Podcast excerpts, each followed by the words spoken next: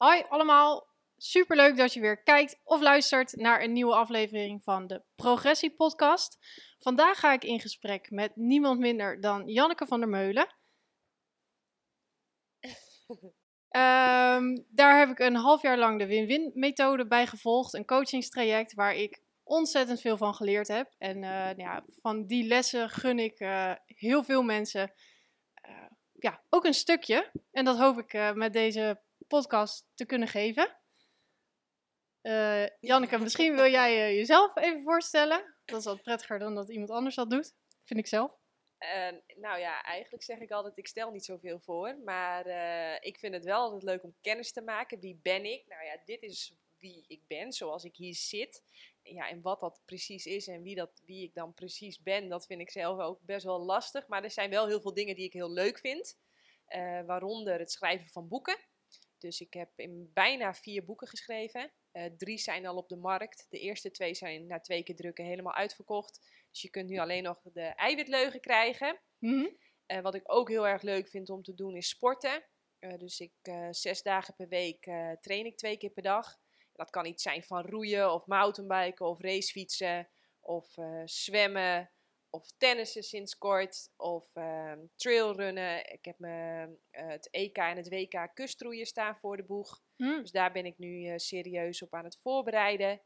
En, ehm, en ik ben de bedenker van de win-win methode. En dat is, eh, ja, dat is een, een, een groeiprogramma voor mensen die niet ziek zijn, maar wel beter willen worden. Ja. En wat ik ze daar leer is dat je ja, gaat eten en leven op een manier die voor alles en iedereen het beste is, maar vooral ook voor jezelf. Ja. En het leuke is, iets wat echt super gezond is voor jezelf, is ook gewoon het allerbeste voor de wereld. Voor de dieren, voor de natuur. Dus ja, die win-win, die vind ik fascinerend. Ehm, ja, en dat groeiprogramma. Nou, jij hebt bijvoorbeeld een groeiprogramma gevolgd. Ja. Jij hebt een zes maanden traject eh, doorlopen. Ehm, ja, en dat heb ik helemaal zelf bedacht. dat klinkt niet alsof ik iets zelf bedenk. Maar alles wat mij heel erg heeft geholpen, wat voor mij echte game changers zijn geweest, wat voor mij echt ja, dingen veranderd, heeft, eh, veranderd hebben in mijn leven, ja, die heb ik allemaal gebundeld. En, want ik denk dat de kunst van het leven is ontvangen, genieten en weer doorgeven. En nu Mhm. geef ik dat volop door. Niet alsof ik zelf nu niet meer aan het leren of aan het studeren of aan het ontwikkelen ben, natuurlijk volop. Eh, maar alles wat ik al heb geleerd en waarvan ik echt denk, ja, dat, nou, eh, dat, dat, dat, ja. Ik zeg niet dat het af is, maar ik, ben, ik voel me er wel dusdanig zelfverzekerd over dat ik daar nu ook een ander eh, Ja. ja. iets in wil leren. Dat heeft eh, echt een bijdrage geleverd aan hoe je nu in het leven staat, wie je bent, of daar heb je iets aan gehad. En dat, Ja. dat deel. Ja, hè, bijvoorbeeld, jij moest ook die boeken van Eckhart Tolle tot in den treuren luisteren. Nou, ja. die boeken van Eckhart Tolle, dat zijn voor mij ook echt game changers geweest. Dus ja, dat, dat, dan denk ik van, dat wil niet altijd zo zijn, hè? Iets Mhm. wat, maar die hebben mij wel echt zo'n, ja, die hebben mij zo'n eh, anders naar mezelf en naar mijn eigen gedrag en naar mijn eigen denken laten kijken.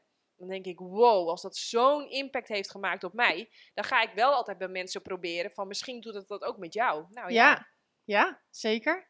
Ehm, en de eerste keer dat ik de boeken van Eckhart Tolle ging luisteren, dacht ik, oh, wauw, wat is dit? wat moet ik hiermee? Echt, mijn hele kop stond gewoon bol van de weerstand. Ik dacht, ja, dit, dit, het gaat te langzaam, het is te, ik, begrijp het niet. En aan de andere kant had ik ook zoiets, ja, ik wil wel een goede student zijn, dus ik blijf natuurlijk luisteren, ik geef niet op. Ehm, en uiteindelijk heb ik er ook super veel aan gehad. En ik denk de tweede keer dat ik het ging luisteren, lezen, nog veel meer dan de eerste keer. Ja. Eh, hoe is dat voor jou geweest, toen je voor het eerst die boeken luisterde? Eh, toen ik voor het eerst de boeken van Eckhart Tolle luisterde, toen dacht ik, eh, nee, ik ben begonnen met lezen. Mhm. Dat was in de tijd dat ik het luisterboek nog niet ontdekt had. Dus ehm, ja, ik had onrust in mijn hoofd. Als ik s'avonds in mijn bed ging liggen, dan had ik een stem in mijn kop en die hield niet op met praten. Want ik had dit anders moeten zeggen en ik had dat anders moeten doen. En wat bedoelde hij of zij eigenlijk met wat ha- die had gezegd? En wat bedoel.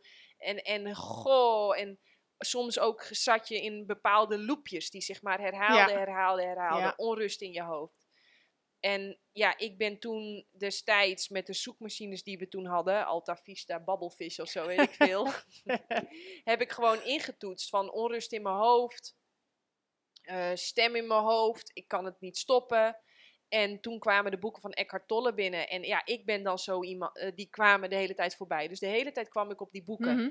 Ja, en ik ben dan zo iemand. Ik ga dan gewoon al die boeken die ik toen kon krijgen, die ga ik dan gewoon kopen. Eh, en lezen. En ja, ik dacht echt, wat is dit, jongens? Wat is dit? Zeg maar gewoon wat ik doe. Ja. Ehm, maar op iets in mij, en ik weet niet wat, die zei toch: ga nog maar een keer lezen. Ga nog maar een keer lezen. Omdat er toch wel dingetjes in stonden. ehm, eh, waar ik wel al iets mee kon. Bijvoorbeeld, je bent niet je gedachte. Nee, jij bent degene die die gedachte kan observeren. Dus toen dacht ik, oh wauw. En toen zei hij bijvoorbeeld, ga als een kat bij een muizenhol zitten. En jij bent die kat en je muizen zijn eigenlijk je gedachten. En dan ging ik als het ware daarbij zitten. En toen dacht ik, oh grappig. Als je dus als een kat bij een muizenhol gaat zitten in je hoofd en jij bent die kat. Ja, inderdaad. Voordat dan de volgende gedachte komt, dan zit dan een pauze tussen. Ja. En die pauzes die ging ik steeds langer maken. Ah ja, grappig. Dus ik ging steeds meer... En dat werkte. En Dus- wat is, wat is dat? Dat het werkte? Wat dat het veel rustiger werd in mijn hoofd. Ah. Dus veel meer ontspanning, veel meer vertrouwen van, oh ja, grappig, ehm, ik heb nu deze wedstrijd verloren, maar ik ben niet ineens een ander persoon. Als ik gewoon echt intune bij mezelf, ben ik nog precies dezelfde persoon als zeven minuten geleden. Ja. Ehm, en ja, dus dat, dat ik, ik hoorde ook dat ik heel vaak aan het vertellen was aan mijn omgeving. Kijk hoe goed ik ben, hou van mij. Kijk hoe goed ik ben, Ja. hou van mij. Op wat voor manier? eh, Eh, door op te scheppen over eh, wat ik had gedaan of wat ik had gepresteerd. En nou heb Mhm. ik daar, vind ik dat nog steeds heel erg leuk. Ja. maar ik ben nu wel bewust, meer, veel meer bewust daarvan. Van, oh ja, je moet daar wel ook een beetje... waarom zeg je nu eigenlijk wat je zegt? Waarom doe je wat je doet? Waarom, waarom, ehm, ja, wat, waar, waar, waar jaag je nu op? Waar ben je nu eh, achteraan aan het lopen? Waarom, ja, waarom doe je wat je doet? Waarom zeg Ja. je wat je zegt? En, eh, of waarom zeg je niet wat je zegt, wat je wil zeggen? Mhm. Ook heel belangrijk. ben je daar nu achter? Waarom je dat toen deed en nu soms voor kiest, bewust of Je, je onbewust? bent de hele tijd bezig. Als mens ben je, heb, je- ieder mens doet dat. Ieder mens staat in de spagaat. Van de ene kant wil je heel graag verbinden met die ander. Dus Mhm. je wil ook graag geliefd worden door die ander. Eh, en aan de andere kant ehm, ben je ook bezig met wie ben ik en wat wil ik. En Ja. dus, dus je bent bezig met, ik wil mijn eigen pad bewandelen. Ik wil zeggen wat ik vind. Ik wil doen wat ik belangrijk vind. En aan de andere kant wil je natuurlijk niet die verbinding met je omgeving verliezen. Dus die spagaat, daar moet je een bepaalde modus in vinden. Ja, en je zegt eh, aan de andere kant, wil je niet de verbinding met je omgeving verliezen? Ben je die verloren op het moment dat je... Nou, sterker nog, als je in je kop zit en je zit in je ego en je Mhm. identificeert je ook met je ego, dus je identificeert je met je illusoire identiteitsbesef. Ja. Hè, dus je denkt dat, je dat je, ik ben schilder of ik ben, eh, ik ben eh, eh, moeder of ik ben eh, zuster of ik ben, eh, hè, dus als jij je identificeert met het verhaaltje wat jij jezelf of wat anderen heel vaak over jou hebben gezegd en je gaat dat echt geloven, Mhm. Ehm, als je je daarmee hebt geïdentificeerd. En, en iemand doet daar bijvoorbeeld een inbreuk op. Hè, dus die zegt van. eh, hè, jij hebt bijvoorbeeld het verhaaltje over jezelf gemaakt. ehm, ik ben eh, heel erg eh, lief en heel erg vriendelijk. En iemand zegt tegen jou van. Jezus, wat ben jij een ongelofelijke bitch. En wat gedra jij denkt echt ook alleen maar aan jezelf. Nou, iemand die zich dan geïdentificeerd heeft met het verhaaltje, ik ben, die zal echt zoiets hebben. "Oh, wow, en die zal er echt van wakker liggen. Ja. Als jij op een gegeven moment doorhebt van, oh grappig, dat verhaaltje, eh, wat, ik, wat anderen over mijzelf hebben gezegd, of wat ik zelf heel vaak over mezelf heb verteld, maar dat ben ik niet.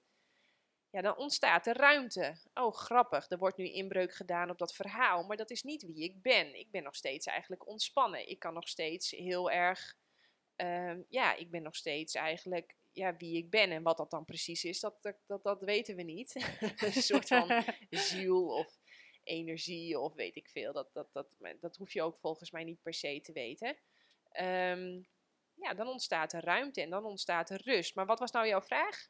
Of je, nou de angst is dus vaak, hey, als ik voor mezelf ga kiezen, dan verlies ik de verbinding met mijn omgeving. Dus het is of verbinding met mezelf of met mijn omgeving. Nee, als Maar- je dus in dat ego zit, dan, verbind je, dan verlies je dus ook de verbinding met jezelf. Ja, Want dat is ook niet wie jij echt bent.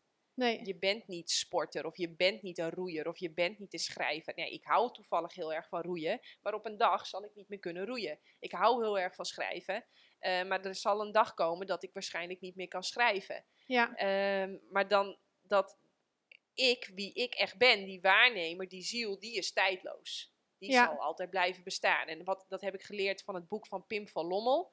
Ehm, toen ik eh 18 was en tijdens de ontgroening ben ik eh, namelijk eh eh, knock-out gegaan. Dus ik Ja. moest heel lang stilstaan op een hele bloedhete heide. Dus toen ben ik knock-out gevallen. Maar tijdens dat vallen ben ik met mijn hoofd op een afgezaagde boomstam gevallen. Dus het was een klap op een klap. En toen ben ik heel ver knock-out geweest en dat was fantastisch. Ja? Dat was echt fantastisch. Daar was alleen maar licht en liefde. En ik vond het daar echt zo geweldig. Mhm. En toen op een gegeven moment hoorde ik Janneke, Janneke, Janneke, Janneke. Iedereen was in paniek namelijk, want Ja. ik was heel lang weg. En ik dacht echt, laat me met rust, laat me met rust. en, ehm, maar goed, op een gegeven moment was ik wel weer wakker. En toen dacht ik echt, jezus mensen, doe eens even rustig. Het was druk en het was onrustig. En ik dacht echt, ik wil terug. En toen op een gegeven moment ehm, eh, zat ik in de auto. En toen, ik luister nooit radio, ik zit heel graag in de stilte. ja, Maar eh, ja, ik weet niet, het engeltje op mijn schouder, die altijd met mij meekijkt en altijd goed voor mij zorgt, die zei van eh, doe de radio maar even aan. En ik doe de radio aan. En toen was daar eh, Pim van Lommel aan het woord. En die heeft onderzoek gedaan naar mensen met een bijna doodervaring. ja, En ik was Ja. echt gegrepen. Ik dacht echt, wow, is dat misschien wat ik heb gehad? Ik denk nu met terugwerkende kracht dat ik niet een bijna doodervaring heb gehad. Dat Mhm. ik gewoon echt heel ver knock-out ben geweest. Wat ik wel opvallend vind, ik ben wel vaker knock-out geweest. Ik ben ook een keer heel hard gevallen met de mountainbike. Ben ik ook Ja. heel lang weg geweest. Eén groot zwart gat. oké. Ik ben een keer door mijn rug gegaan. Dat deed zo ongelooflijk pijn. Ben ik ook oud gegaan. Is ook eens groot zwart gat voor mij. Dus dit was wel echt heel anders bijzondere ervaring, ja. bijzondere ervaring. Maar goed, ik kwam dus op zijn boeken. En wat ik van zijn boek leerde, is dat je je lichaam kun je vergelijken met een radio, een radiootje, zoals we Ja. dat vroeger hadden.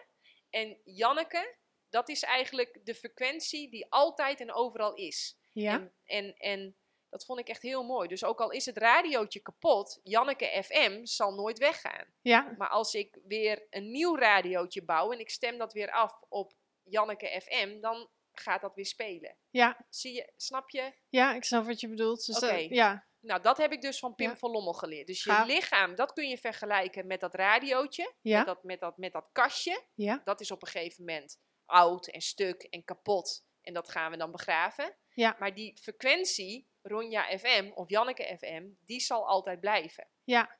Dus het, het lichaam en alles wat jij doet en wat, ja, nou ja, dat verhaal wat je jezelf hebt verteld.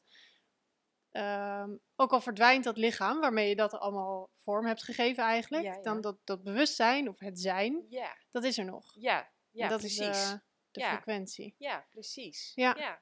En wat mooi. ik eh, leuk vind, is een klein eh, zijspoor. Ik eh appte jou laatst, omdat ik een podcast van Pim van Lommel heb geluisterd. Ja, nou, dat, inderdaad, is ook Ja. zo. En jij zegt, Ja. ja, ja, ja, Pim van Lommel, die heb ik drie keer eh, de boeken gelezen, fantastisch. Ja. Nou, dat heb ik Ik even heb zo zijn podcast gelaten. nog niet geluisterd Oh. Nou, super interessant, maar dat, Ja, dat is ehm, ook grappig. ja, heel toevallig. Is En ook zo. ehm, vorige week loop ik met een vriendin in een natuurgebied. Heel random, ergens loop ik er waard. En ik vertel aan haar over Pim van Lommel, dat ik dat geluisterd had, dat ik het zo bijzonder vond. En eh, nou, over bewustzijn, zo. En we lopen verder, er zit een man op een bankje. En eh, midden daar in de polder, eh, was lekker aan het fietsen. Dat deed hij elke dag, dat vond hij heerlijk. Even de dag opstarten. En we raken met die man aan de praat. En hij zegt, ja, nou, en toen ik zes was, ben ik dus verdronken. En had ik een bijna doodervaring, of eigenlijk was ik dood. En ik ben heel lang weg geweest. Nou, gereanimeerd, hij was er weer. En eh, hij zei, eh, dat was zo'n bijzondere ervaring, want het was alleen maar licht en liefde. Ik zeg, nou, kent u Pim van Lommel? Ja, dat heb ik wel gelezen. nou, daar hebben wij het net over gehad. En nou, zo ontstond er een gesprek en ik dacht, hoe kan dat nou? Dat, ja, is dat toeval of bestaat toeval wel of niet? Of interpreteren wij de, de vorm waarin toeval bestaat verkeerd? Is het niet zo betekenisloos als we het voordoen komen? Nou, ik vond het super bijzonder van hoe dat dan zich opeenstapelt. Hoe kijk jij eh, naar toeval? Hoe ik kijk naar toeval. Hoe kijk ik naar toeval? Eh, dat zijn voor mij eh, richtingaanwijzers dat ik op mijn juiste pad loop. Ja. Want wat we ook zien met mensen bij, met een bijna doodervaring. Heb jij zo'n boek ook gelezen? Nee, nog niet. Oh, oké. Nee. Nou, mensen die dat hebben gehad, die zoomen vaak ook uit en die kunnen dan al helemaal het verloop van hun leven zien. Ja, En als ze dan terugkomen eh, in, het, in, het, in, het, in het aardse bestaan, zeg maar, in de wereld van dualiteit, hè, waar we goed, slecht, mooi, lelijk, eh, nou ja, dat allemaal hebben, al die tegenovergesteldes. Mhm. Ehm, dan, ehm, ja, dan, dat, dan zijn ze ook vaak heel erg teleurgesteld. Zo van, nou ja. Ik heb de route nu al gezien en nu moet ik hem nog helemaal gaan aflopen met alle hobbels en bobbels die daarbij horen. Eh, dus ho- hoe zie ik toeval? Toeval. Ehm, denk ook aan een cursus in wonderen. Die zegt ook altijd: er moeten wonderen ons gebeuren, ja. want anders ben je niet op je juiste pad. Dus toeval zie ik echt als, eh, ja, als richtingaanwijzers. En ja, als er dus de hele tijd toevalligheden gebeuren op je dag, dat ik dus ook non-stop heb, dat is Ja. voor mij echt een teken van, oh ja, ik loop mijn pad. Ik loop niet iemand anders pad, ik loop mijn pad. Ja. Mijn unieke pad loop ik. Ja. En, eh, hè, want je kunt in het leven natuurlijk ook kiezen om het pad te lopen van, eh, van wat je ouders graag willen of wat je omgeving graag van je verlangt. En ehm, hè, als we het nu, nu we het toch over de dood hebben, zijn eh, mensen, er wordt heel veel onderzoek gedaan naar waar hebben mensen op hun sterfbed nou heel erg veel spijt van. Ja. En de nummer één reden waar mensen spijt van hebben, is dat ze het hebben geprobeerd om aan de verwachtingen van hun omgeving te voldoen. Ja. In plaats van dat ze hebben gedaan wat ze zelf nou zo graag willen. Dus ze hebben geprobeerd om te voldoen aan, in plaats van dat ze zijn gegaan voor voldoening. Ja. En eh, ja, en als ik zoiets lees, dan denk ik: oké, Janneke, even koppen bij. Dat gaan wij dus als, als duizenden mensen die fout al hebben gemaakt. Ja. Dan moet jij niet als nummer 1001 in diezelfde vuilkuil gaan vallen. Ja. Dus je moet echt, ook al moet je daar een prijs voor betalen, ook al kan het dus zijn dat je daardoor vrienden verliest, of dat mensen een oordeel over je hebben, of een mening over je hebben, of soms echt hele nare berichten sturen, omdat ze het echt niet met jou eens zijn. Ehm, ja, kies er toch voor om jouw waarheid te spreken en te leven. Dus dat heb ik, ja, dat heb ik eh, heel erg, ehm, heel erg eh, goed in mijn oren geknoopt. Ja. dus als jij eh, morgen onder een bus loopt, ben je dan... eh, Ja, dan is dat zo. ja? Ja, lullig heb- voor Douds op dit moment. Ja. Omdat hij mij nog wel. eh, omdat ik nog wel he- in het verhaaltje geloof dat zij mij heel erg nodig heeft. Ja. zij kan natuurlijk ook wel zonder mij overleven op dit moment. Maar eh, eh, op dit moment zou ik dan toch zeggen van ja, wel jammer dat... Ik ben namelijk zo nieuwsgierig waarom zij Ja, ons als ja. ouders heeft uitgekozen. Ja. Ja, en ik ben gewoon, ja, ik, ik, ik, ik ga achter haar aanlopen en ik ben heel nieuwsgierig waar dat ons weer gaat brengen. Dus eh, dan zou ik dat nu wel jammer vinden, maar verder eh, eh, heb ik dan misschien spijt van het feit dat ik vorig jaar niet naar het WK kustroeien ben geweest, omdat Ja. ze zulke ongelooflijke belachelijke coronamaatregelen hadden. Daar wilde ik niet aan meedoen. Maar nu met terugwerkende kracht heb ik daar soms nog wel van, had ik dan niet, eh, eh, eh. nou ja, goed. Ja. Hè, dat is Ja. typisch het ego, spijt van het verleden, angst voor de toekomst. Dus dan denk ik ook, kappen Janneke, je hebt vorig jaar die keuze gemaakt. Naar eer en geweten, daar heb je lang over, daar heb je ja, op een bepaalde manier over nagedacht. En ehm, dus ja, dat is zo. Ik kan het verleden niet meer veranderen. Dus Nee. het is zoals het is. Eh, maar daar, daar merk ik dat dat nog wel eens, dat ik denk, nou ja, oké. Ehm, en ik ben een keer gestopt in een mountainbike-wedstrijd in Brazilië. Dat ik echt zulke ongelooflijke verwondingen had en zoveel pijn. En dat ik echt huilend op de fiets zat. en dat op een gegeven moment eh, Mitchell zei van... eh, ja, ik vind het ook echt vera- onverantwoordelijk. Want je Ja. reflexen zijn niet meer goed. ja. En het is hier echt heel erg gevaarlijk om te fietsen. En ja, hij zegt... Toen zei hij van, ja, moet je niet stoppen? En toen dacht ik, ja, ik wil niet stoppen. Maar ja, hij zei, ja, het is, ik vind het niet fijn of zo om met jou te fietsen. Want ja, normaal is het Janneke die geeft Ja, gas. En, ja. en nu was ik echt aan het overleven. Maar nu met terugwerkende kracht dacht, denk ik wel eens van... Ja, had ik niet gewoon mijn focus moeten verleggen van zo snel mogelijk naar de finish, naar gewoon Naar met- de finish. naar de finish. Ja, Dus, nou ja, wijze les. Ik heb daarna dus ook nog een mountainbike wedstrijd in Zuid-Afrika gedaan en daar ook echt van geleerd. Van oké, Ja. niet kosten wat het kost zo snel mogelijk naar die finish willen, maar Ja. eventjes iets slimmer zijn en gewoon eerst eens even als doel hebben die finish halen. Ja. En dan gaan we later wel weer kijken of we ergens nog eh, misschien wat gas kunnen geven op veilige plekken. dus gebruik je dat dan, het terugkijken nu meer als reflectie, waar je vroeger in dat verleden bleef van ik had, ik had, ik had, ik had zus of zo. Ja, nu, nu eh, er zijn geen foute keuzes, maar er zijn wel veel leermomenten. Ja. dat, dan neem ik gewoon de lering eruit mee. Ehm, maar, ehm, dus, dus, dus kom ik morgen onder een bus? Ja. Goh, ik heb het idee dat ik hier nog niet klaar ben, maar het is Ja. wel goed. Ik heb wel voor mijn gevoel, eh, ja, ik heb wel het idee dat ik, dat ik, dat ik al belangrijke dingen heb gezegd, gedeeld, veel heb meegegeven. Ik zou niet weten. Ik, ik, heb, ik heb weinig verdoofd zitten scrollen, zitten vluchten. Ja, ik hoop, ik, ik heb het idee dat ik het allemaal redelijk aanga en me niet eh, door angst eh, tegen laat houden. ja, gaaf. Ja. En je, ooit werkte je wel gewoon in loondienst. Ehm, Nou, ja. Wanneer had je het idee van, ja, ik heb nu echt goud in handen en ik ga het delen en dat gaat in deze vorm gebeuren? ja. En was dat al de vorm zoals je, zoals je hem nu kent? Oh, grappig. Nooit nagedacht over vorm. Nee? Nee. Dat, dat heb ik al heel eh, jong geleerd. Daar hoef je niet over na te denken. Je hoeft, wat, wat ik doe, tenminste, wat mij, voor mij heel erg goed werkt, is dat ik gewoon mijn, mijn, mijn passie, mijn plezier en mijn enthousiasme eh, achterna loop. Dus dat Ja. zijn mijn richtingaanwijzers. En als er dan toevalligheidjes gaan gebeuren, dan weet ik, ik ben echt op de goede weg. Ja. Eh, nee, maar je moet het je zo voorstellen. ehm, ik eh, heb het VWO afgerond en ik wilde maar, ik had wel al altijd in mijn kop, ik wil mijn eigen bedrijf. Mhm. Het lijkt mij namelijk heel vervelend dat je de droom van iemand anders aan het realiseren bent. Ik denk, ja, nee, ik wil mijn eigen droom realiseren. Dus ik ga niet eh, mezelf een beetje uitsloven voor een ander. Ik laat me ook niet graag voor de roestige kar spannen van een ander. En ik wil ook niet graag een hongerloontje.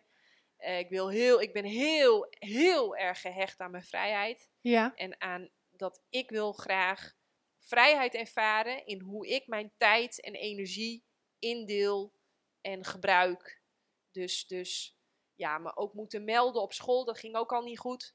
Dus ik had al heel snel akkoordjes met de leraren van jongens, ik, eh, dan moet ik even dit en dan moet ik even dat. Ik Ja. had mijn eigen business toen ook al. Ehm, en ik zei laten we nou afspreken dat als ik slechte cijfers ga halen, dat ik me misschien wat meer moet melden. Maar zolang ik gewoon de hoogste cijfers van de klas haal, laten we dan gewoon eventjes eh, jullie blij, ik blij, eh, volgens mij eh, jullie opzichten blij. Want het gaat Ja, alleen maar om ja. dat ik hoge cijfers haal. En dat vonden ze ook goed. Dus ik heb heel veel met toestemming eigenlijk. Mijn ouders die deden gewoon zo, want die dachten ja, ja ze haalt hoge cijfers. En wat kan, ja, komt wel goed. ze drinkt niet, ze rookt niet. Eh, heb ik wel gedaan hoor, maar heel kort gelukkig. Ja. Ehm, ja, en ook al gaat ze tot laat op stap, ze staat wel weer vroeg naast de bed. Dus die hebben het allemaal gedoogbeleid, om het maar Ja. even zo te zeggen. En ehm, ehm, eh, dus ehm, toen ben ik gaan studeren omdat ik mijn eigen bedrijf wilde in Rotterdam, Erasmus Universiteit. Bedrijfskunde dus ook, omdat Mhm. ik dacht dat heb je dan nodig, omdat je daar dan gaat leren hoe je een eigen business uit de grond stampt. Nou, absoluut niet. Maar mijn egootje, die wilde, ja, je bent hieraan begonnen, dus je wil het ook afmaken. En ik haalde wel snel hoge cijfers, ik kreeg goede beoordelingen. Dus dat, ja, ja. Dus dat heb ik zo gedaan. Ik heb, ik, ik, ik heb ook niet het idee dat ik toen ooit heb bedacht van ik kan hiermee stoppen of zo. Hm. Dat, heb, dat is nooit in mijn bewustzijn aanwezig geweest. Nee. Ik ben hieraan begonnen. ik ga dit afmaken, want ik moet dat diploma hebben, want ik wil mijn eigen bedrijf. En je hebt zelfs nog een studie daarna gedaan, Ja. toch? Want ik ben begonnen met eh, finance, omdat ik vroeger een van de snelste hoofdrekenaars van Nederland was. Dus ik dacht, ja, iets, iets waar je goed in bent, dat vind je vaak ook wel leuk. Dus ik dacht, misschien is dat een gift van mij. Is Ja. dat iets wat mij gegeven is en moet ik daar dus iets mee doen? Eh, maar finance, eh, ondanks dat ik daar ook veel bijles in heb gegeven, in statistiek en in wiskunde en zo, ondanks dat ik dat allemaal wel, eh, wat, dat, dat ik dat makkelijk kan leren, zeg maar, vond, gaf dat mij geen voldoening. Die mensen had ik ook geen klik mee. Oké. Dat ging Ja. niet lekker. Ja. Ik, ik weet niet, ik vond, ze, ik vond het, ik miste het mensendeel. Ik ben gefascineerd door menselijk gedrag. Ja. Dat, dat, dat, nou ja, hè, je, als ik het erover praat, dan voel ik al dat mijn ogen gaan twinkelen. Ik vind Ja. dat gewoon magisch. Heel erg interessant. Dus toen dacht ik, nee, ik moet ook iets met die, met dat, met die menselijke kant in mezelf en in de ander. Daar moet ik ook Ja. iets mee doen. Dus toen ben ik HRM erbij gaan doen. Human Resource eh, Management. En eh, dat heb ik in een gecombineerde scriptie ben ik, eh, op Hm. afgestudeerd. Maar ik was in mijn tweede studiejaar ook al begonnen met roeien. En Ja. dat ging toen best wel lekker. Ik zat toen echt net op het punt om de overstap te maken naar het Nederlands team. Eh, maar in het begin werd ik daar nog niet voor betaald. Dus ik moest ook een bijbaantje hebben. Dus ik heb toen eh, bij het ministerie van Economische Zaken gewerkt. Ja. En ik had tijdens mijn studie had ik al een opdracht gemaakt voor iemand die ik kende bij Shell. En dat was beoordeeld met een 10. Oké. En toen ik zei van nou, ik zoek eigenlijk wel werk voor naast me roeien. Dus ik kom nooit, dus ik ben slecht bereikbaar. Ik, eh, zal, je zult me niet op kantoor zien. ik werk wanneer ik wil, hoe ik wil. Eh, ja, willen jullie onder die voorwaarden mij op een, eh, dat project zetten? En dat wilden Ja. ze wel. Oké. Dus eh, ja, dat is dus de reden dat, dat ik toen nog niet mijn eigen business had. En het had er ook mee te maken dat mijn egootje, dus dat die stem in mijn hoofd zei van eh, ja, met gezondheid bezig zijn en met spiritu- Ja. spiritualiteit bezig zijn. Want dat, dat was ik helemaal, ik, eh, weet je, ik moest tot vijf uur moest ik altijd van mezelf studeren. Ja. En dan ramde ik alles er doorheen en dan moest alles af zijn. Want dan mocht ik eindelijk gaan lezen over wat ik interessant vond. Ah. Ja. Hè, dus de boeken van Pim van Lommel of over kwantumfysica of ehm, eh, de boeken van Eckhart Tolle Ja. of eh, ik zie de boeken allemaal nog voor me die ik Uh-huh. allemaal ko- gekocht. Compassie of eh, geweldloze communicatie of effect ook over communicatie. Ja, dat vond ik allemaal fantastisch. Ja. Echt fantastisch vond ik dat. Dus ik moest tot vijf uur en dan mocht ik voor mezelf. Ehm, maar dat was echt voor mezelf. Ik, ik, ik, ja, het woord schaamte komt toch wel in de Ja. buurt. Dat ik toch wel, ja, ik schaamde me er. Ik, ik ging het niet aan de grote klok hangen dat dat heel erg een interesse van mij is. Oké. Ja. Dus ik, ja, ik, hield dat, ik hield mezelf gewoon een beetje klein. Ik dacht, dit is voor mezelf. En dat plantaardig eten, wat ik toen ook al helemaal ging doen, ja, daar ging ik al helemaal niet aan de grote klok hangen. Ik bedoel, in de roeiwereld eh, ja, is daar wel een mening over. Eh, je moet vooral namelijk heel veel eiwitten eten en heel veel biefstuk. En eh, ja, Wat was dan de angst? Dat je jouw eh, coach dat je niet... afgekeurd wordt en dat je een oordeel over je... Nou ja, dat, dat, dat mensen... Kijk, ieder mens, ik ook, ik zou het natuurlijk fantastisch vinden als 7 miljard mensen stonden te klappen omdat ze Janneke en alles wat ze zegt en alles wat ze doet, dat we dat zo fantastisch vinden. Maar dat is natuurlijk niet Nee. zo. Nee. Er zijn mensen die hebben een oordeel over je, een mening over je en nu eh, raakt me dat niet meer. Maar toen de tijd was ik daar wel gevoelig voor Ja. ik, ik vond dat spannend. Ehm, ja, ik vond het spannend. Ik wilde gewoon dat iedereen alles wat ik deed en alles en helemaal wie ik was en dat ze me altijd fantastisch vonden. en wanneer dacht je dan wel, ja, nu, nu moet ik hier iets Ja, mee. Het kan is, niet meer... eh, Ja, dat is echt door de buitenwereld gekomen. Ja? Ja, die zeiden op een gegeven moment, Janneke, jij, ja, hoe jij eet alleen al, dat moet je echt gaan delen. Ja. Niemand doet dat. Niemand gaat, tenminste, die kenden wij niet. Niemand gaat dozen bananen kopen. Niemand koopt dozen mango's. Niemand koopt dozen avocado's. Niemand eet, eh, eet zoals jij eet. Je moet dat Ja. gaan delen. Waarom doe jij dat? Ja. En het is altijd als we hier komen, het is zo lekker. Je mag dat niet voor jezelf houden. Hè? Dus je mag niet alleen maar ontvangen en genieten. Nee, je, je, de buitenwereld die, ja, die eiste eigenlijk van mij, je moet gaan doorgeven. Nou, Ja. oké, dus toen ben ik eigenlijk begonnen met heel voorzichtig delen over waarom ik eet zoals ik eet. En dan op Instagram of hoe... eh, ja, ja dat was destijds op Facebook. Ja? Ja, en eh, had ik ook al snel een sponsor, want ik, ik, eet, ik, ik wil ook zoveel mogelijk biologisch eh, eten. En toen, nou, dan krijg je positieve reacties. Je krijgt natuurlijk ook afkeurende reacties. Mensen die het belachelijk vinden, die het gevaarlijk vinden, die het onverantwoord vinden. Je krijgt natuurlijk kritiek.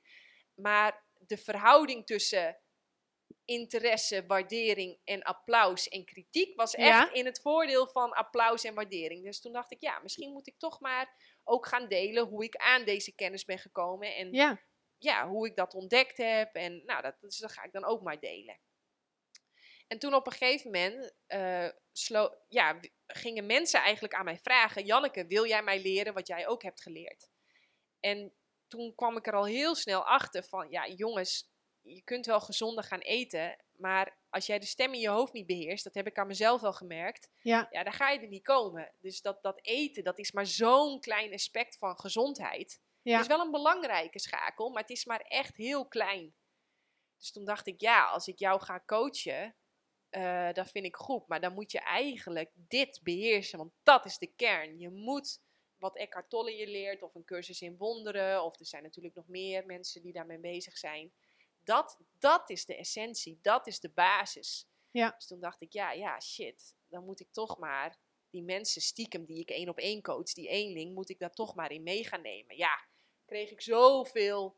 eh, mensen waren echt wow, wow. Ik dacht echt dat ik bij jou kwam om recepten te leren of om te leren hoe jij kookt of weet ik veel. En nu leer je me dit. En inderdaad, je hebt gelijk. Nu, Ja. wow, ik, ik, ik ben zoveel meer ontspannen. Ik heb zoveel meer rust in mijn hoofd, zoveel meer productiviteit in mijn handen, zoveel meer energie in mijn lijf. Ja, en toen dacht ik van, ja, dan moet ik toch daar, dat vind ik zelf ook fantastisch. En toen had ik nog heel lang de niet helpende overtuiging van, ja, maar over dat spirituele aspect en alles over die stem in je hoofd, dat ga ik dan pas delen als ik later groot ben. Ja. Zoals ik nu bijvoorbeeld nog een, een overtuiging heb die me ook klein houdt, dat pas als ik later groot ben, mag ik dat boek over de liefde gaan schrijven. ja. Terwijl, Dan ja, heb je er genoeg verstand van. dan heb ik er genoeg verstand van. Dan Ja. ben ik, ja, het slaat natuurlijk allemaal nergens op. Ik mag dat boek al lang schrijven. Maar ja, dat, dat, die, dat had ik. En ja, totdat ik op een gegeven moment dacht van... Ja, ik heb nu die boeken van Eckhart Tolle, alles bij elkaar opgeteld. Al die boeken die hij heeft en al die live shows die hij heeft. Die heb ik nu misschien wel al honderd keer, misschien wel vaker gelezen, geluisterd, herhaald, herhaald, herhaald. Ja, ik ken niet zoveel mensen die dat ook hebben gedaan. Dus volgens mij mag ik me nu toch wel daar wel over uitspreken. Ja, ja, je bent al zo gauw een expert eigenlijk. Ja, en ik ben je eeuwig dankbaar daarvoor. Want ehm, ik zag toen op Instagram de, per toeval dat jij een eh, plekje had. Echt, ik, ik volgde jou nog maar heel kort. Een collega die eh, wees mij daar eigenlijk op. Die zat een hele bak fruit te eten op werk. En ik, ik zei, is dat nou wel goed? Zoveel suiker. We zaten samen in de auto, begin coronatijd eh show. Ehm, dus ja, daar raakten we daarover in gesprek. En omdat je, ik werkte voor de politie, je zat lange dagen samen in de auto. Dus ja, dan weet je ook alles van elkaar, wanneer iedereen naar de wc moet en hoe lang dat duurt. Dus ook eh, waarom hij fruit was gaan eten. Nou, eh, hij had gewoon altijd ontzettend last van zijn darmen gehad. En eh nou, hoop gedoe. En nu is hij fruit gaan eten en alles ging veel beter. Dus wie moest ik volgen? Janneke van der Meulen en Lopke Vaassen, want die wisten er alles van. Dus nou ja, ik volgens mij dezelfde week nog naar de Ecoplaza kilo's fruit gehaald, je boeken besteld. En eh, nou, niet veel later heb jij eh, dat eh, berichtje staan van ik heb twee plekjes in de win-win methode. Ja. Volgens mij kom ik een week later aan de slag. We hadden Ja. even gebeld en daar gingen we. En mijn vraag was eigenlijk, volgens mij had ik iets van, ik wil gewoon een, een supersnelle tijd eh, kunnen hardlopen. Op Oh de ja. 5 kilometer Ja. en de 10 of zo. Ik wil daar een recordje op zetten en dat was eigenlijk het enige. Ik weet ook niet waarom. Misschien ook een ego-ding om tegen iedereen te zeggen: kijk eens wat ik kan. Ik ben heel snel geworden. Ja. En, Kijk eens eh, hoe goed ik ben. Kijk eens hoe snel ik ben. ja, Hou van mij. Ik ben ook wat waard. Kijk ik ben maar. ook wat waard. Ja, Ja, ik heb wat gepresteerd. Ja. Ja, daar je, nou precies, dat je eigen waarde aan ophangen, aan Ja. een prestatie. Ja. Ja, je eigen waarde koppelen aan wat je presteert. Nou, dat is natuurlijk levensgevaarlijk.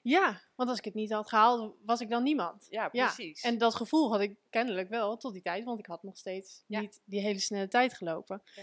Dus dat was eh, mijn doel. Nou, dat had ik eh, vrij rap behaald. Maar ja, toen was het traject nog helemaal niet voorbij. En het, eh, ik zat ook maar te lezen en alles te doen en te luisteren. En de gesprekken die wij voerden, het ging daar eigenlijk helemaal niet meer om. Het ging om ja, zoveel meer dan dat. En inderdaad, het, het stukje vertrouwen. Ik had altijd onrust in mijn kop. Oh, ik had dit moeten doen. Oh, ik, eh, ik wil alle problemen van de wereld oplossen. Alles is mijn verantwoordelijkheid. En eh, ja, dat hele traject heeft me in laten zien van wat, waar heb ik controle over, waar niet. Wanneer mag ik vertrouwen? Wanneer moet ik zelf actie ondernemen? Ja. En ja, dat was zoveel meer. Dus eh, dank, dank, dank dat je ooit hebt bedacht, ja, ik ga het toch delen. Ja.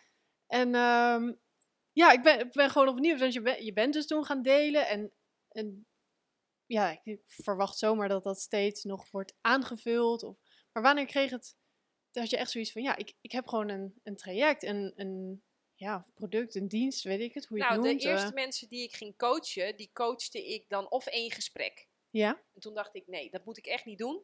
Want eh, ja, ik heb mezelf hoog. Ik heb alles wat ik, mijn methode die ik heb ontwikkeld, heb ik hoog. Maar ik, ja, ik, ik kan gewoon niet in één gesprek nee. iemand die zo'n verkeerd tussen haakjes gedra- ge- eh, gedachtepatroon heeft, die kan ik niet fixen. nee. Ik, kan zo, ik, ik kan überhaupt iemand anders niet fixen. Iemand moet zichzelf fixen. Ja. Dus, dus ik, ja, eh, toen ging ik mensen drie maanden coachen. Maar drie maanden, met alle respect, hoe, hoe, hoe, hoe goed mijn vragen ook zijn, of alle, alle technieken die ik heb geleerd. eh, dat, dat ga je, je gaat die koelkast, ik noem het altijd, het ligt allemaal rotterij in je koelkast. Misschien Mhm. kun je het nog herinneren Ja, vanuit module ja. 1. Ligt gewoon allemaal voeding. eh, Kijk maar gewoon naar je koelkast in de keuken. We kopen van alles, we stoppen van alles in die koelkast. En, en, en op een gegeven moment ligt er dan achter in die koelkast ligt er allemaal zooi te rotten. Wat je, wat je wel ooit op jezelf hebt geplakt, maar waar je eigenlijk niks meer mee doet. En dat, als je dat niet regelmatig schoonmaakt en je doet dan die koelkastdeur open, dan stinkt dat niet te geloven. Dus wat doen de meeste mensen? Die houden de deur gewoon dicht. Ja, dus die blijven wel dingen kopen en dan hup, en dat stoppen ze er allemaal bij. En op een gegeven moment eh, wo- wordt dat één grote smerige bende. Ehm, en dan krijg je dus onrust in je hoofd. Je, krijgt, je wordt moe, je wordt heel erg moe. ja, Mensen die, die, die moe zijn, dan, dan, ja, dan willen ze anders gaan eten en meer gaan trainen en anders gaan slapen. Dat gaat zeker ook allemaal helpen. Maar als je die koelkast niet schoonmaakt, dan zul je moe blijven. Ehm, dus toen, toen ontdekte ik gewoon van ja, ik moet iemand gewoon echt minimaal zes maanden begeleiden om die koelkast goed schoon te krijgen. ja, En dan moet iemand ook eh, de capaciteit hebben en de, en de, de capaciteit, hoe moet ik dat nou even zeggen, om dan ook echt zes maanden vol, vol gas daarmee aan de slag Ja. te gaan. ja, Eh, en, dan, en, dan, en dan hoop ik altijd dat ik iemand net, zeg maar, dat die koelkast net schoon genoeg is, dat iemand gewoon zelf aan de slag kan. Hè? Ja. Want jij bent nog niet uitgeleerd. Nee, nog lang niet. Nee, ik ben net op, eh, op gang gekomen, zeg maar. Precies. Ja. Dus ik slinger iemand helemaal aan, aan, Ja. aan. En dan laat ik hem eigenlijk los in de hoop van... Oké, nu gaat hij dat zelf nog wel doen en dat zelf nog wel doen. En hier nog wel mee aan de slag.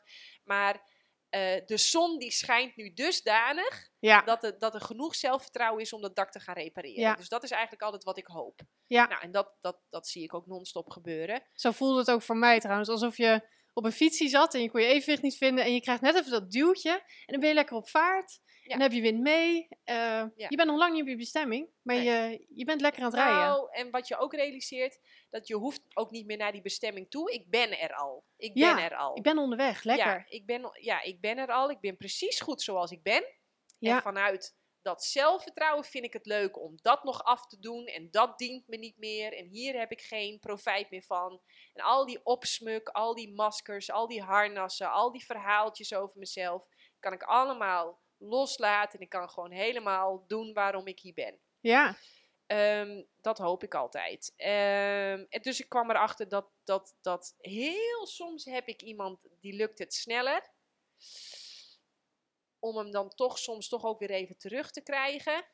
Die persoon dan Ja. in het traject. Ja. Te zeggen, eh, Dus ja, zes maanden minimaal. En, eh, en ja, ook die werkboeken die ik heb gemaakt. Nou, je moet echt aanpoten en doorwerken. Zeker, En ja. consequent ermee aan de slag wil je dat gewoon afkrijgen. Ja, En eh, de kwaliteit van je vragen bepaalt de kwaliteit van je antwoorden, bepaalt de kwaliteit van je leven. Dus ik heb geprobeerd om de allerbelangrijkste vragen op papier te zetten. En dat is zo leuk als je eh, samen gaat werken met een coach en je, bepaal- en je betaalt een bepaald bedrag. Dan heb je ineens de commitment, want ja, die pijn Ja. in je portemonnee, die gaat er wel voor zorgen dat je niet gaat scrollen, maar dat je weer met die klote module aan de slag gaat. ja, ja. En dan ga je jezelf toch vragen stellen waar gewoon 99,99% van de mensen voor weglopen. ja. Terwijl als je, die, als je bereid bent om die vragen aan jezelf te stellen, ja, dan uh, dat, dat kan tot hele mooie inzichten leiden. Ja, absoluut. Ja, je zei aan het begin iets, uh, voor mij iets heel belangrijks, uh, over schaamte. Dat dat je op je plek hield, dat je je kleiner maakte. En ik, ik zat net in de auto al even na te denken over dit gesprek. En ik weet nog zo goed dat ik, ik had jou aan de telefoon gehad en ik, ik had ja gezegd en ik had geld overgemaakt. En toen bekroop mij ook dat, dat gevoel van schaamte van, oh jee, ik heb geld uitgegeven aan iets waarvan ik ik kan helemaal niet zien wat het, wat het is. Ik weet niet wat het Nee. me op gaat leveren. Ja, ja. En vervolgens ging ook iedereen aan wie ik het ja, vertelde zeggen: Ben je niet goed? Zoveel geld. En wat krijg je dan? En, en, en ik schaamde me een soort. Ik dacht: Oh, ik heb, een, ik heb een hele domme keuze gemaakt. Ik heb iets doms gedaan. Ik heb, in plaats van een vakantie te kopen, heb ik geld uitgegeven aan iemand die ik niet ken, die ik nog nooit gezien heb. En ja, dat schaamtegevoel was zo gigantisch. En ehm, ik zou met terugwerkende kracht nog steeds niet super goed kunnen vertellen. Ja, dit is wat we hebben gedaan of besproken. Of eh, weet ik niet. Maar ik weet wel dat ik me giga veel beter voel. eh, beter in mijn vel zit. eh, fitter ben. Vooral beter in mijn kop zit. En wat je zegt, ben er nog lang niet. Maar ja, ik zou nooit meer dat, dat, ja, dat geld, ja. de- Anders had ik het, was het ook wel verdampt of aan iets uitgegeven. Ja. Eh, ik zou het nooit meer terug willen ruilen. In Nederland zijn wij niet gewend eh, om zulke bedragen in onszelf te investeren. We geven het met gemak uit aan een nieuwe auto of een nieuwe garage of een, een nieuwe telefoon of eh, dure televisie of vakanties inderdaad. Ja. Maar het in onszelf investeren, dat, dat zijn we niet gewend. Nee. Daarnaast hebben we in Nederland de mentaliteit van, ja weet je, je probeert het gewoon zelf allemaal op te lossen en te fixen. En als dat dan echt niet lukt en je bent echt diep, diep down, dan ga je nog eens het reguliere circuit in. Ja, En dan ga je eens een keer naar een huisarts of weet ik veel wat. Dus ik eh, kan het me heel goed voorstellen dat, dat, eh, dat, dat je gedacht hebt. Of dat ook je omgeving je bijna liet denken van, oh jee, eh, ben, ja, is er iets mis met mij? ja, ja, Ehm, En ik vind het toch altijd fascinerend dat er dan bij die mensen, zoals bij, bij jou bijvoorbeeld, er is altijd iets, en dat is voor mij ook ongrijpbaar. Hè? Wat is er dan dat ze dat toch doen? Dan, ik heb het altijd ja, het idee dat net als ik, er is misschien een heilige geest of een, een, een hogere hand of een hogere macht of een hogere kracht of een god of weet ik veel hoe je dat allemaal wil noemen, maakt me Mhm. helemaal niet uit. Maar die dan toch zegt, heel zachtjes fluistert, doe maar. Want ook al weten we niet precies wat we gaan doen, volgens mij is dit een, een, een goed, goeie, goede keuze. ja, En dat hoor ik zo vaak. Ik ben er dus ook helemaal mee opgehouden om te vertellen wat we gaan doen. ja, Ik vertel het gewoon niet. Ja. Want één, mensen snappen het niet. Mensen begrijpen het niet. En ik heb het wel eens geprobeerd uit te leggen. En dan zeggen mensen achteraf: ja, maar het is zo anders. ja. Het is, dit had ik me nooit kunnen voorstellen, maar ik ben je eeuwig dankbaar. Ja, want ik, kan, ik heb het gedaan en ik kan het nog steeds niet uitleggen. Dus hoe had je het aan de voorkant? Ja, nou ja, we hebben doen. gewoon gewerkt aan rust in je hoofd, energie in je lijf, productiviteit in je handen. Ik bedoel, Ja. daar hebben wij volgens mij ook heel. Ik moet, het is alweer twee jaar geleden. Ja, ja, zoiets. Ja, Ehm, ook al dat je, dat je dus, dus je gedrag in lijn houdt met wat je echt zelf wil. In plaats van dat je de hele tijd je laat afleiden door allemaal bullshit. ja, Dus aan je productiviteit hebben we voor mijn gevoel ook hard gewerkt. Dus Ja. eh, hè, en als ik zie wat je nu allemaal produceert en publiceert, echt dikke vette complimenten. Dankjewel. Ehm, dus, dus, dus ja, dat, dat vind ik ook zo fascinerend. Lopke Fase heb ik bijvoorbeeld ook gecoacht. Ja, Die Die heeft maar één module gedaan, hè? Ja, En hè, dus die, die mist 75% van het verhaal. Maar goed, als ik, als ik al zie, hè, toen ik haar ontmoette, lukte het haar nog niet eens om één filmpje te produceren. Nou, nu kan ik het niet bijhouden. Nee. Zoveel filmpjes produceert ze en shine ze ja, voor de camera. Het hardlopen gaat als een tierenlier. Het is een soort een topsporter, zo vaak traint ze. ja, Terwijl toen ik haar leerde kennen, nou, één, twee keer per week crossfit. eh, nou, met piepen, eh, met, met, met, eh, hoe zeg ik dat?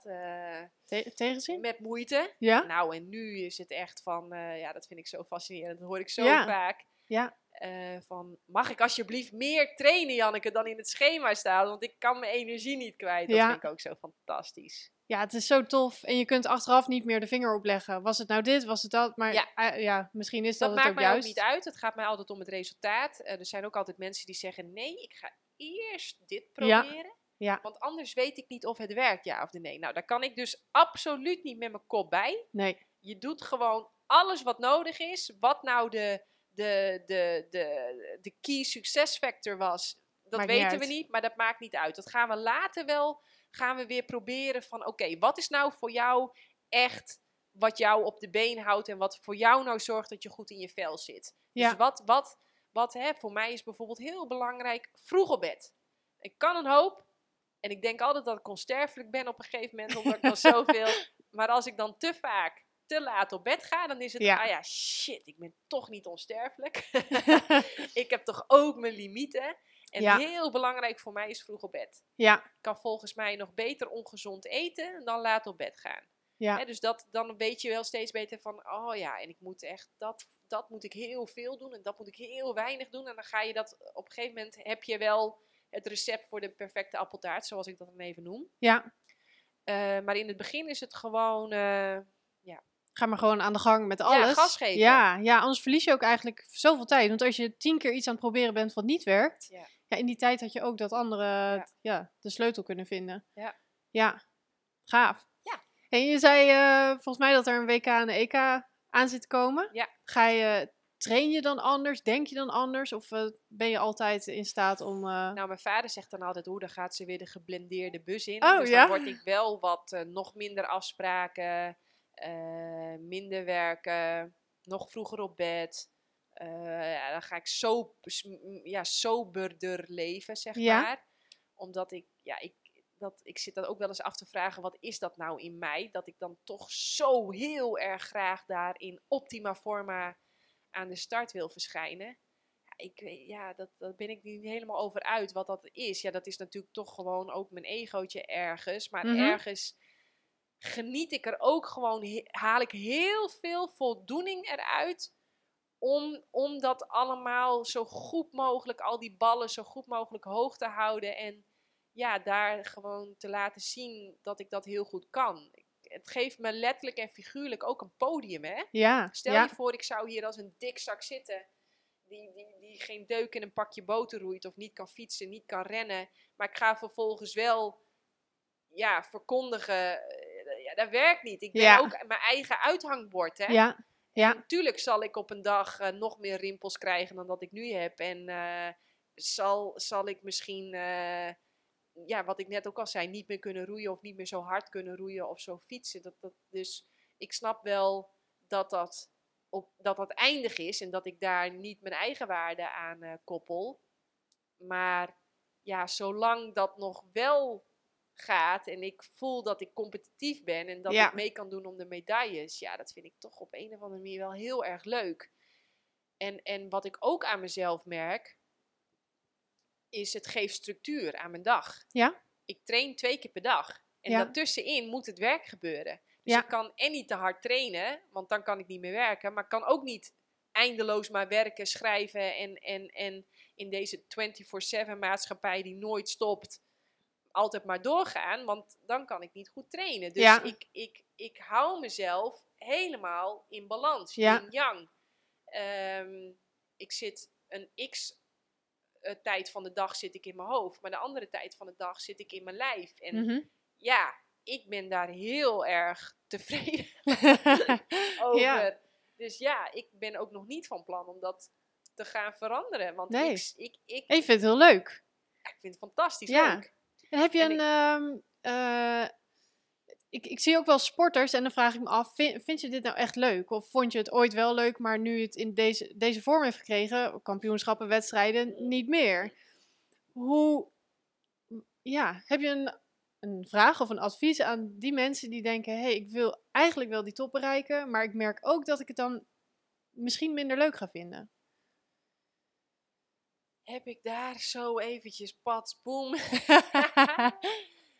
nou, sowieso heel veel Eckhart Tolle luisteren. ja, Dus zie dat jij die stem in je hoofd niet bent. Zie dat de wereld niet vergaat als jij eens een keer een honderdste van een seconde te laat over de finish bent. Of te laat. Later, Later. dan die ander die toevallig die dag ook van plan was om te starten. Ehm, en, en, en, en, en dat is ook direct de spanningsboog. Het is aan de ene kant totaal niet belangrijk voor mij. Maar Mhm. op dat moment push ik mezelf om het het allerbelangrijkste van de hele wereld te maken. Want als ik te veel relativeer, ja, dan ben ik niet bereid om fysiek zoveel pijn te lijden om ervoor te zorgen dat ik als eerste over die finish ben. Dus ik moet het, Ja. op dat moment maak ik het enorm belangrijk. Dat geeft me ook focus. Dat zorgt er ook voor dat er hormonen vrijkomen, zoals adrenaline en cortisol, dat, ik, dat ik eigenlijk boven mezelf uitstijg. En aan de andere kant ben ik compleet in ontspanning en in vertrouwen dat ik heb zoveel getraind. Ik weet zo goed wat ik moet doen. Daar hoef ik me niet meer druk over te maken. Ik word aangestuurd door iets hogers. Ik weet, en dat heb ik mezelf al zo vaak bewezen, dat in the heat of the moment ben ik in staat om de juiste beslissingen te maken. Dat, dat, dus aan de andere kant is er een hele diepe ontspanning en vertrouwen. En ik, en ik hoef me nergens druk over te maken. En die combinatie, die maakt het ook heel erg leuk. Ik weet nog wel, eh, als kind heb ik ooit voor de grap meegedaan aan een zeilwedstrijd. Ik, Mhm. Want ik ben eigenlijk opgevoed met mijn ouders met de zeilsport. En eh, toen won ik zeg maar de clubkampioenschappen en toen mocht ik naar het grote toernooi. En ik was zo ongelooflijk vreselijk zenuwachtig ja. dat ik vond het en niet meer leuk. Ik kon niet eten. Dus ik was uiteindelijk zo, ik kon een dag niet eten en ik was alleen maar aan de scheiterij. En dus ik kon ook niet meer goed presteren. Dus ik had de beste, de allerbeste start. Maar toen kwam het echt eventjes op power aan. En dat miste ik toen. En toen sloeg ik om. En toen was het eigenlijk één grote. En ik denk dat ik daar mezelf, zeg maar, dat ik die spanning te veel heb opgebouwd. Dat ik eigenlijk kapot ging van de spanning. En Ja. ja, dat moet je een paar keer meemaken om er eigenlijk achter te komen. Van dat is niet functioneel. Dat is Ja. niet slim. Dat moet je niet doen. Ja. En dan wordt natuurlijk de vraag, hoe doe je dat dan? Ja, en ik ben heel erg op zoek gegaan naar antwoorden daarvoor. ja. Die Ja. vond ik ook bij Eckhart Tolle. Ja, Ja. dus dat is echt iets eh, van je kop en niet zozeer van nog meer trainen of nog meer. Nee, ontspannen. Ja. Ontspannen. Diepe, diepe ontspannen. Diepe, diepe vertrouwen in mezelf, in het hogere. Dat er, dat er precies op het juiste moment gebeurt er altijd precies het goede. Ja. En als dat, als, en als het, als het, als je daar helemaal op kunt vertrouwen, dus je laat alle verwachtingen, alle verhalen, laat je helemaal los. Maar je hebt de diepe overtuiging dat, er, dat het altijd het goede is, hoe Mhm. kut dat soms ook lijkt. Hè, ik heb blessures gehad op onhandige momenten. Ehm, Dacht je toen waarschijnlijk. dacht ik toen. Ja, En terwijl ik nu met terugwerkende kracht zo dankbaar ben dat ik op dat moment die blessure had. Want dat heeft me zoveel gebracht. ja, Dus ik heb, ik heb er een hele diepe, diep, diep vertrouwen in dat er altijd precies op het juiste moment precies het goede gebeurt. ja, En als dat dus betekent dat ik, dat ik dus dan die wedstrijd eh, moet verliezen, dan is dat dus blijkbaar wat ik dan nodig heb. En ja, ja, dan k- zullen, kunnen sommige mensen of sporters kunnen zeggen, ja, lekker recht lullen wat krom is. Maar voor mij werkt dat heel erg goed. Ja. Ja. Ja. Nou, ik herken het wel in een, mijn eigen pad. Ehm, altijd als ik solliciteerde of wat ik ook deed, eh, nou, het, ik werd het prima. Eh, alsof het je aankwam waaien of mensen die zeggen het wordt jou om een schoot geworpen. Of als ik met paarden gewoon een wedstrijdje meedeed, dan werd ik wel eerste en dat ging altijd goed. Tot eh, 2020. En ik solliciteerde en ik werd niet aangenomen. En ik Ja. wilde een huis kopen en dat lukte niet. En ik Ja. ging nog een keer solliciteren en het lukte niet. Ja. En ik baalde toen natuurlijk. Ja. En nu kijk ik terug en denk ja, maar dat heeft ervoor gezorgd dat ik nou, alles wat ik nu heb, Ja. wel heb. En dat had ik anders niet gehad. Ja. En op het moment zelf kun je balen, maar ik heb nu de afgelopen tijd steeds vaker gehad dat ik dacht, hé, hey, die baan gaat niet door. Komt al goed. Ik heb Ja, alle vertrouwen in. Ja, dat, er ligt er nog iets beters er voor ligt mij in het iets. Ja, Ja, ja, dat heb ik ook echt als overtuiging. Sommige mensen zijn er helemaal in zak en as, want hij zei nee of, of, de baan werd nee. En dan denk ik altijd, joehoe, ja, er komt er ligt iets. nog iets veel beters voor jou in Ja. het verschiet. Ja, En, en ja, misschien is dat helemaal niet waar, misschien is dat een fabeltje, maar ik zie het constant in mijn eigen leven en in andermans leven gebeuren. Als je daarop kunt vertrouwen, het is alleen al zoveel leuker om zo te ja, denken. ja. Ja, waarom zou je het niet doen? Dus waarom, ja, ik Ja. denk dan, waarom zou je het niet doen? Ja, nee, absoluut. En Want dan, je blijft ontspannen, je blijft Ja. enthousiast, je blijft vrolijk, je blijft wie je echt bent. ja. Dat wil niet zeggen dat niks meer je kan raken. mhm. Tuurlijk kan je op zo'n moment eventjes voelen van, oh, ik ben afgewezen. Oh, wat doet dat met mij? Ja. Oh ja, oh ja, ja, eh, nou, ja. Eh, en en eh, eh, bijvoorbeeld, het geeft kramp in mijn maag, of het geeft een steek in mijn borst, of het, geeft, het knijpt even mijn keel dicht. Oké, oké, blijf je gewoon bij aanwezig. Geef je tijd, geef je ruimte, geef je even aandacht. En dan, en dan, en dan, en dan later denk je weer van, ja, maar er ligt dus iets veel beters voor mij in het verschiet. Ja, nou, Ja. ik vind het echt fantastisch, fascinerend. ja, heel gaaf. Ja. Leuk. Is er nog eh, iets wat je hier aan toe zou willen voegen? Ehm, poeh, aan wat? Ja, dit gesprek. Ik had zelf nog wat dingen opgeschreven, Nou. maar dan moet ik even bladeren, want een hoop hebben we al eh, eh, doorgenomen, denk ik. Ja, jezelf zijn had ik nog opgeschreven, omdat ik die eh, tegenkwam in jouw eh, boek, maar daar hebben we het denk ik al over gehad. Want toen, je zei, oh, dan gaan we het weer over de dood hebben. Was, het- hebben we het toen daarover gehad? Ja, jezelf zijn. Ja, dat is vaak zo'n advies. Ja, je moet gewoon lekker jezelf zijn. Lekker je doen wat je zelf wil. Maar een hoop, het probleem is juist dat heel veel mensen niet meer weten wie ze zijn en wat ze willen. En Nou, Ja. dat, dat, dat, dat is op zich niet zo heel erg. Eh, wat, wat ik. Eh, ik bedoel, dat je niet precies weet wie Mhm. ben ik en wat, wat, wat is dat dan en wat Ja. is dat hier in, dat, in, het, in het aardse bestaan. Dat je daar niet precies een vraag, een antwoord op hebt, dat is denk ik niet heel erg. Eh, ja, jezelf zijn. Jezelf zijn. Ja. Wat is je vraag? ja. Goeie. Ja, wat, wat, als mensen nou echt zo'n, op zo'n punt staan van ja, ik heb gewoon geen flauw idee wat Wie ik, ik ben en wat ik moet doen? Ja, en wat ik moet doen en ik zit vast. Ja. Het, kan, het is vaak een beetje verlammend en dan blijven we maar in dat, ja, doen wat we doen, terwijl we weten dat het niet werkt. Ja, dan blijven ze op de rotonde rijden, noem ik Ja. dat altijd. Ja. Ja. ja, toch een afslag nemen. Ja, En, eh, en dan heel blij zijn dat dat misschien niet de goede afslag is. Dan rij je wel weer terug naar de rotonde en dan ga je een andere afslag Ja. nemen. Maar eh, in beweging altijd meer antwoorden dan in stilstand. Dus eh, kom in beweging. ja, En eh, ga iets lezen, doen, ontdekken.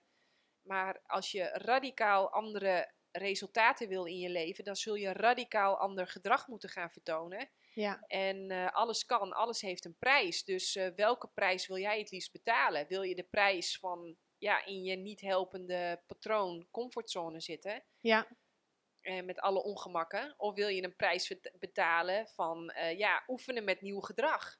ja, En dat gaat natuurlijk ook, eh, daar gaan mensen commentaar op geven. Dat heb jij ervaren. Waar Mensen zeker. gaan een oordeel over hebben.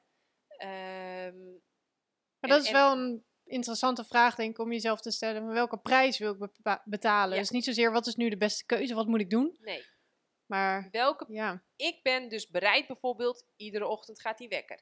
Eh, regelmatig in dat ijsbad zitten. Iedere keer die trainingen. Dat ik ben bereid om dat ongemak iedere keer aan te gaan, want dat geeft me uiteindelijk heel veel plezier. ja, Ehm, maar dat moet je wel bereid toe zijn. Je moet bereid zijn om een bepaalde prijs te betalen. En aan jou de keuze, welke prijs eh, wil je het liefst betalen? Maar betalen moet je. Je ja, moet betalen. ja. En ehm, ja, Is dat ijs ook eh, oefenen gewoon met ongemak? Helpt dat jou ook nog- bij andere dingen? Oh, Als, als een soort eh, metafoor? Nou, ik heb net even een ander verhaal met dat ijs. eh, Ja? Omdat ik het direct fantastisch vond. Ah, Oké. Ik vond het, het was echt liefde op het eerste gezicht. Ja? Eh, ik dacht, als dit is wat drugs eh, ook genereert, dan snap ik ineens waarom mensen drugs gebruiken. Ik zou Ja. nooit drugs gebruiken, maar hoe ik daar fysiek en mentaal op reageerde, dat Mhm. was echt wauw. Dit Ja? is echt. Ik vond het ook direct fantastisch. Er zijn ook mensen die doen, die slaan helemaal, die hebben. eh, en dan kan ik me al voorstellen dat er in dat zenuwstelsel iets op wordt geslagen als oeh, eh, spannend of, of negatief. Ja? Maar ik stapte daarin en ik dacht echt direct, wauw. Dus in mijn hele zenuwstelsel is een ijsbad gekoppeld aan plezier. Ah, Aan ja. fantastisch, aan Ja. geweldig, aan weldaad voor mijn lichaam. Als, Ja. als geluksmakend voor mijn brein. Dus ja, eh, het is voor mij echt, als ik dat te lang niet doe, dan ga ik het echt missen. Ja, grappig. Ja. Dat, dat drugsmomentje, dat eh, herken ik wel. En het is zeker niet vanaf het begin en zeker niet altijd. Maar Nee, wel dat klopt. ik een keer is- met mijn vriend in de winter in, de, in het water zat. En dat ik zei, oh, het, het geluid lijkt wel keer tien. En de, de kleuren van de lucht, terwijl het was, ja, het was winter, maar het was wel een blauwe lucht. Maar ik zei, het lijkt wel zoveel meer helder. En de, hoe je de vogels kon horen, het stilte, maar daardoor helder geluid of zo. Nou, Ja. echt iets magisch. Ja, en, en dat, dat, dat, als we dat dan even willen verklaren, en dat wil dat, eh, Ja, dat eh, komt heel vaak omdat eh, we zijn zo druk in ons kop.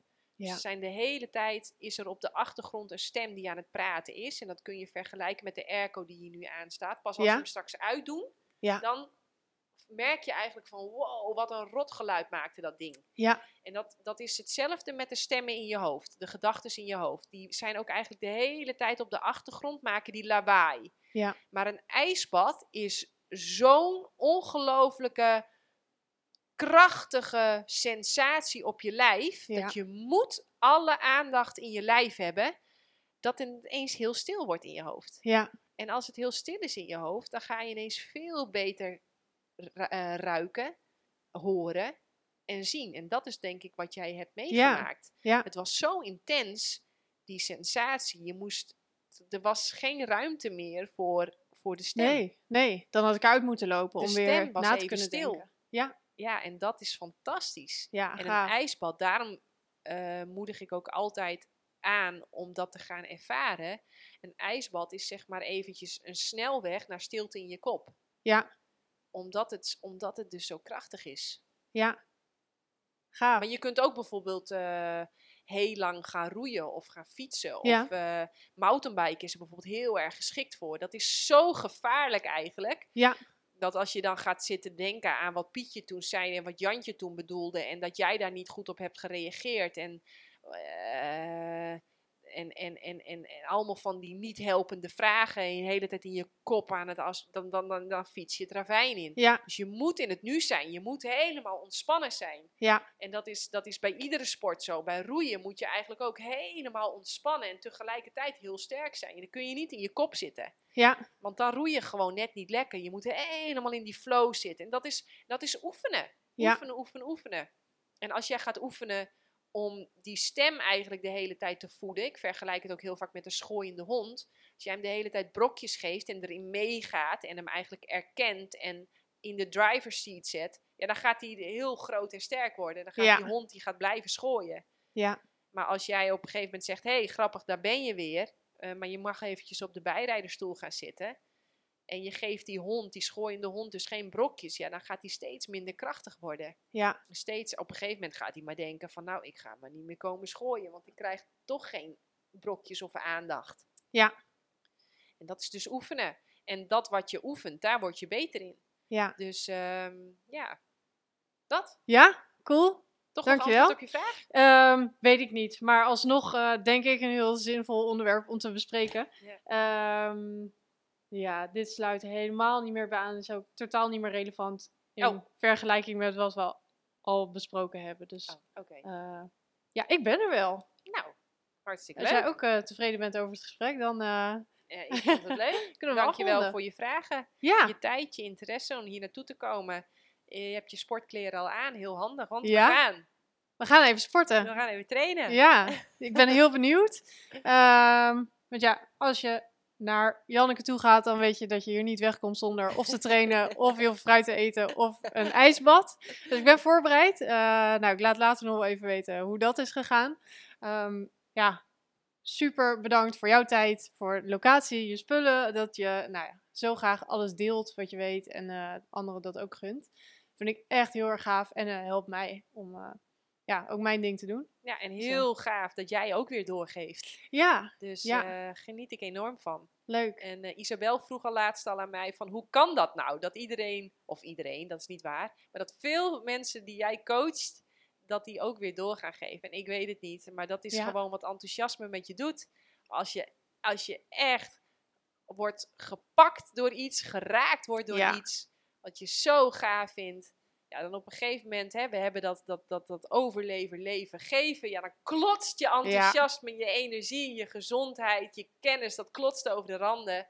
En dan kun je gaan delen vanuit overvloed en kun gaan geven vanuit overvloed. En ik zie dat bij jou ook en uh, ja, heel gaaf. Ja, ja, top. Gaaf. Dankjewel. Yes. Uh, ja, dat was hem. Ik heb helemaal geen, uh, geen, geen eindzin, dus...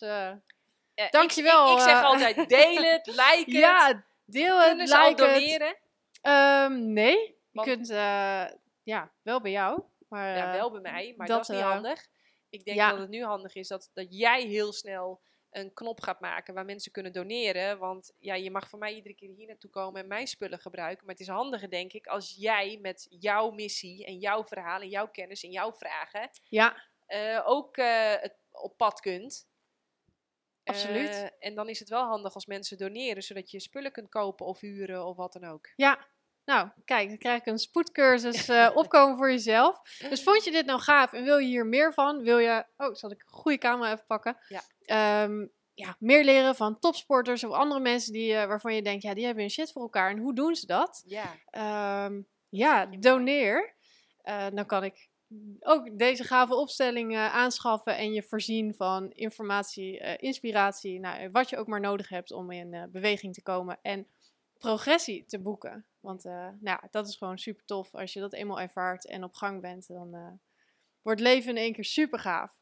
Dus dankjewel, dankjewel voor het luisteren en tot de volgende.